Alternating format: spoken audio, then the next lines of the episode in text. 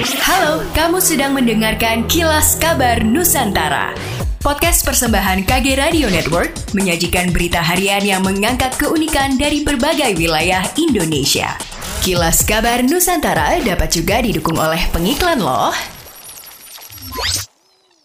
Pemerintah Kota Manado terus menggenjot kegiatan vaksinasi COVID-19 agar bisa menjangkau seluruh lapisan masyarakat. Kali ini vaksinasi digelar di lokasi tempat pembuangan akhir TPA Sampah Sumompo dengan sasaran utama adalah para buruh sampah dan pemulung. Franky Porawow, Kepala Dinas Lingkungan Hidup Kota Manado mengatakan, upaya pemerintah Kota Manado untuk melakukan jemput bola kepada para pemulung dan buruh sampah yang belum sempat divaksin karena kesibukan mereka. Dalam kegiatan tersebut, pemerintah kota melalui Puskesmas Kombos menyediakan dua jenis vaksin yaitu Sinovac dan AstraZeneca. Selain menyasar buruh dan pemulung sampah, vaksinasi juga melayani warga sekitar TPA Sumompo dan para ASN Dinas Lingkungan Hidup yang belum divaksin. Data gugus tugas COVID-19 Provinsi Sulawesi Utara, capaian kumulatif vaksinasi COVID-19 di Kota Manado hingga Minggu ketiga September sebesar 92,74 persen untuk vaksinasi dosis pertama dan 52 persen untuk dosis kedua. Pemkot Surabaya buka pendaftaran pendidikan diklat sepak bola pelajar pelajar.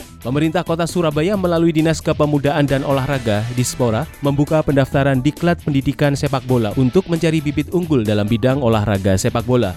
Diklat pendidikan sepak bola dikhususkan bagi anak-anak di Kota Pahlawan yang akan dilatih dan disiapkan untuk mengikuti pekan olahraga antar provinsi Porprov hingga pertandingan antar kota dan pekan olahraga nasional. Tak hanya diklat di bidang sepak bola saja yang disiapkan, Pemkot juga berencana menyiapkan pembinaan bagi anak-anak Surabaya yang berminat di cabang olahraga lainnya seperti bulu tangkis, basket, dan bola voli. Sementara itu, Kepala Bidang Pembinaan Olahraga di Spora Kota Surabaya, Arif Setia Purwanto menjelaskan, pendaftaran peserta pendidikan diklat sepak bola dibuka mulai tanggal 20 hingga 24 September 2021 yang dikhususkan bagi pelajar SMP yang memiliki minat dan bakat di bidang persepak bolaan yang akan dikoordinir langsung oleh guru olahraga di masing-masing sekolah. Penyaluran kredit modal kerja pada sektor pertanian di Kabupaten Malang mengalami peningkatan.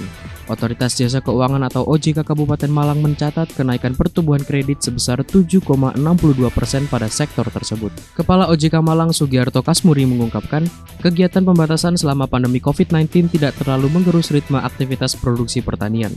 Kasmuri juga menambahkan, pasalnya, sepanjang PPKM sendiri sektor pertanian tidak terdampak. Berbeda dengan Kabupaten Malang, penyaluran kredit di Kota Malang mengalami penurunan sebanyak 0,71 persen.